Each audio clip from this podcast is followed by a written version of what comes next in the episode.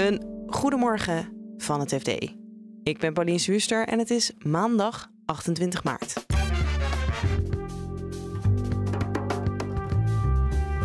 Er wordt gesproken over een Flevoland-deal. De provincie bouwt huizen en dan krijgen ze er banen voor terug.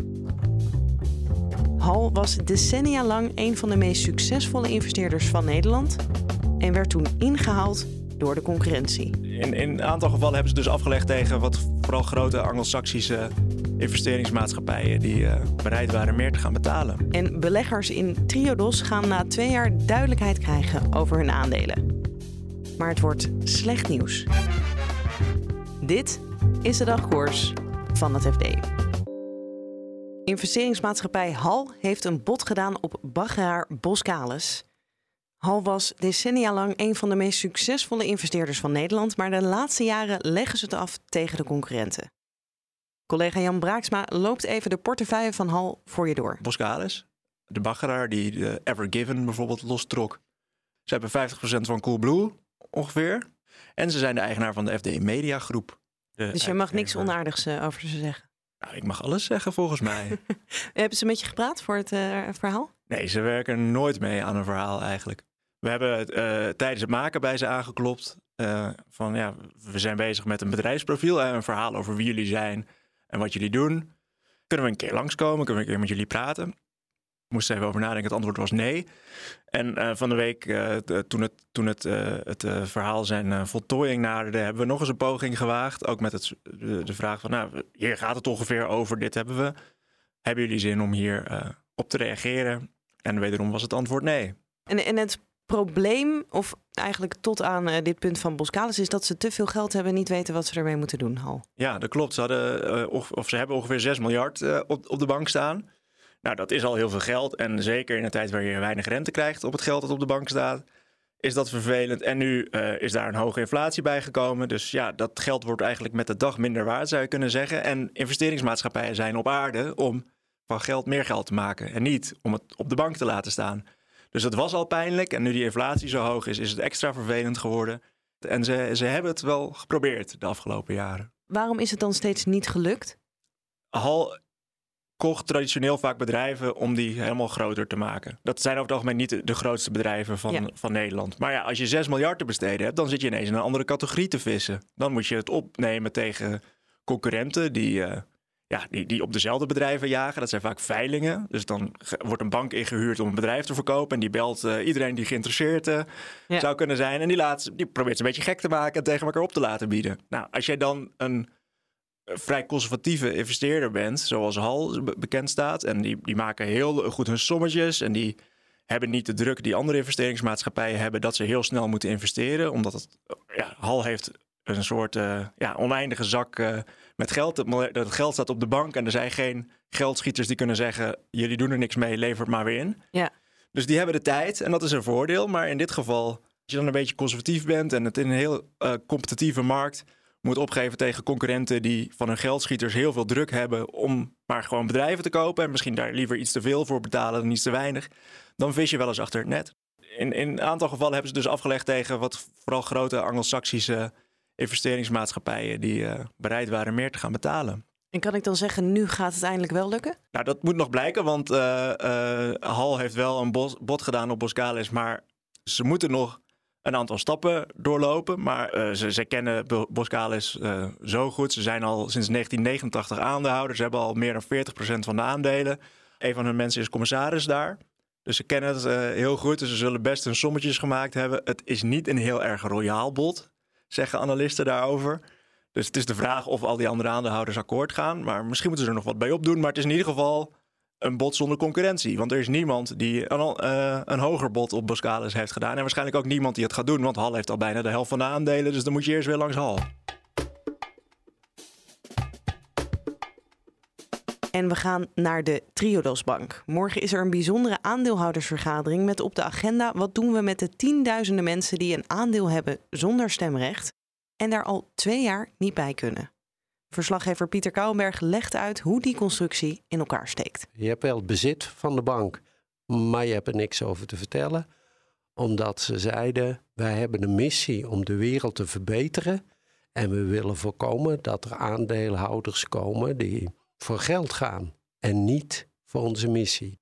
En, en wat voor mensen kochten, wat voor beleggers kochten die aandelen? Uh, mensen die de wereld wilden verbeteren en accepteerden dat ze een heel klein rendement in dividendvorm van Triodos ervoor terugkregen. Je moet je voorstellen, we hebben het over de jaren 80. Ja.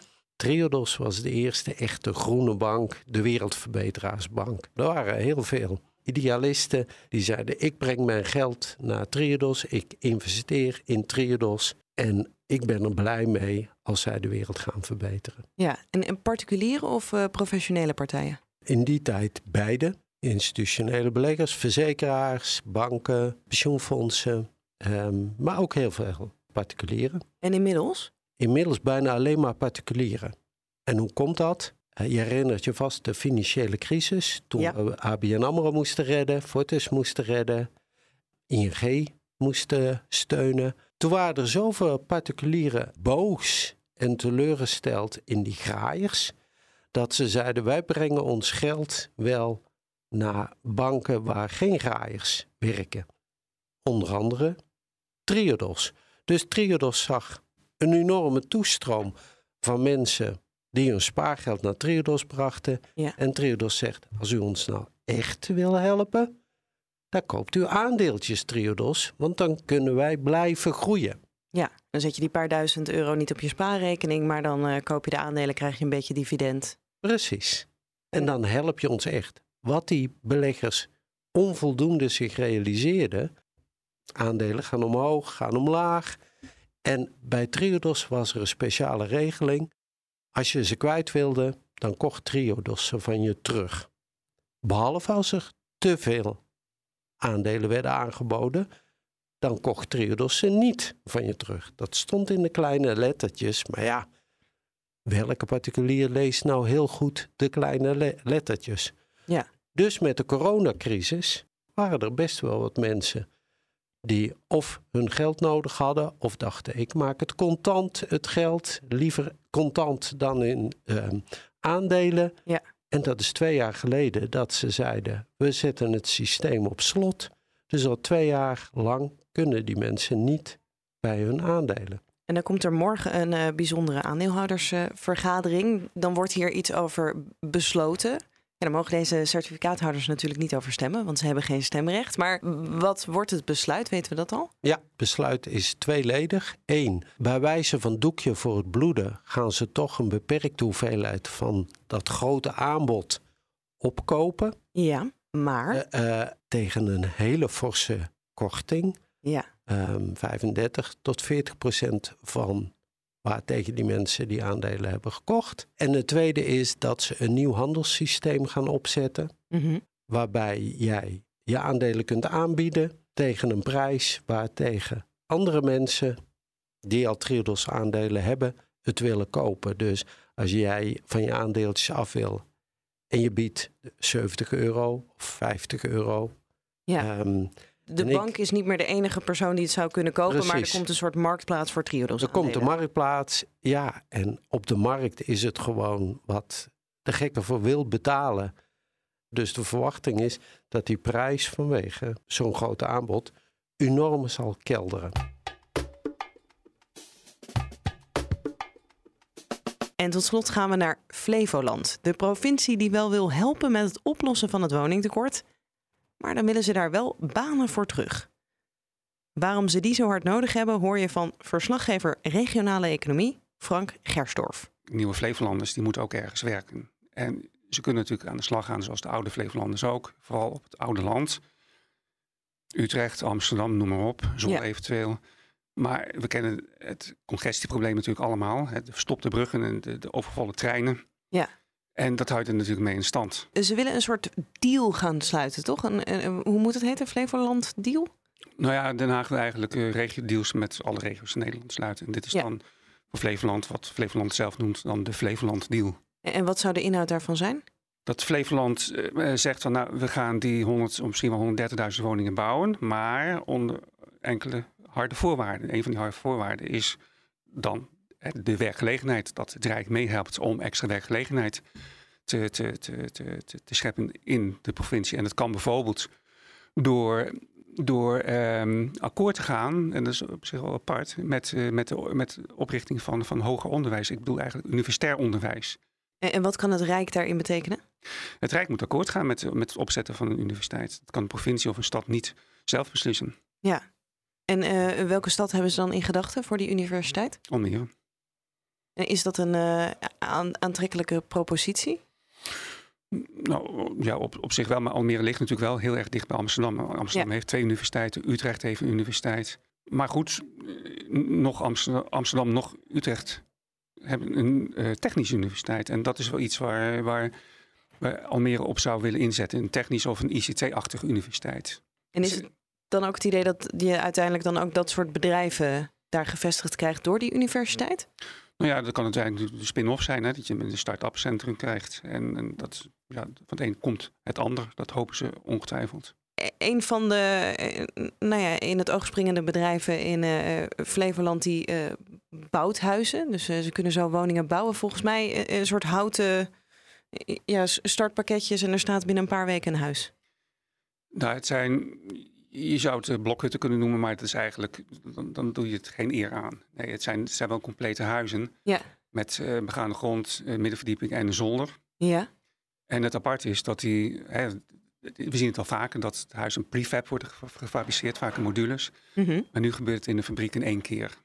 Van, van de begaande grond tot en met de zolder en alles zit er al in, zelfs de keuken en het sanitair. En, en dat is een Flevolands bedrijf die en dat... dat is een Flevolands bedrijf en dat is op zich wel bijzonder in de Noordoostpolder. En het is een samenwerking van ondernemers uit, uit Emmeloord en, en, en Urk. Mm -hmm. En uh, heel Flevoland, maar ik denk eigenlijk in het bijzonder Noordoostpolder is ook echt wel een provincie van, of een regio moet ik dan zeggen, van, um, van ondernemerschap. Ja. Van, van, van, van pionieren. Hè. Kijken wat we met elkaar samen kunnen doen. Met, met, met, met nieuwe dingen, nieuwe materialen of nieuwe concepten, nieuwe ideeën. Ja. En dit is daar een heel duidelijk voorbeeld van. En er moeten natuurlijk uh, alleen maar meer huizen worden gebouwd. Dus dat uh, zou je zeggen, groeiende business ook nog.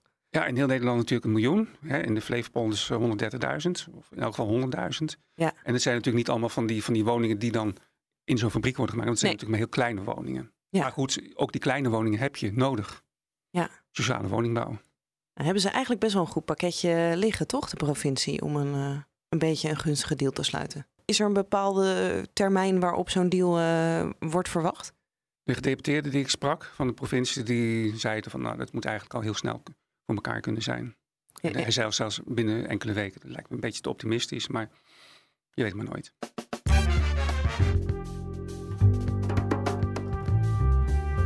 Dit was de dagkoers van het FD. Op fd.nl lees je de verhalen over Hal, Triodos en Flevoland en je volgt daar natuurlijk het financieel-economisch nieuws. Dagkoers volg je in je favoriete podcast-app en als je ons daar vindt, klik dan ook even op abonneren. Dan staan we morgenochtend weer voor je klaar. Een hele fijne dag en tot morgen.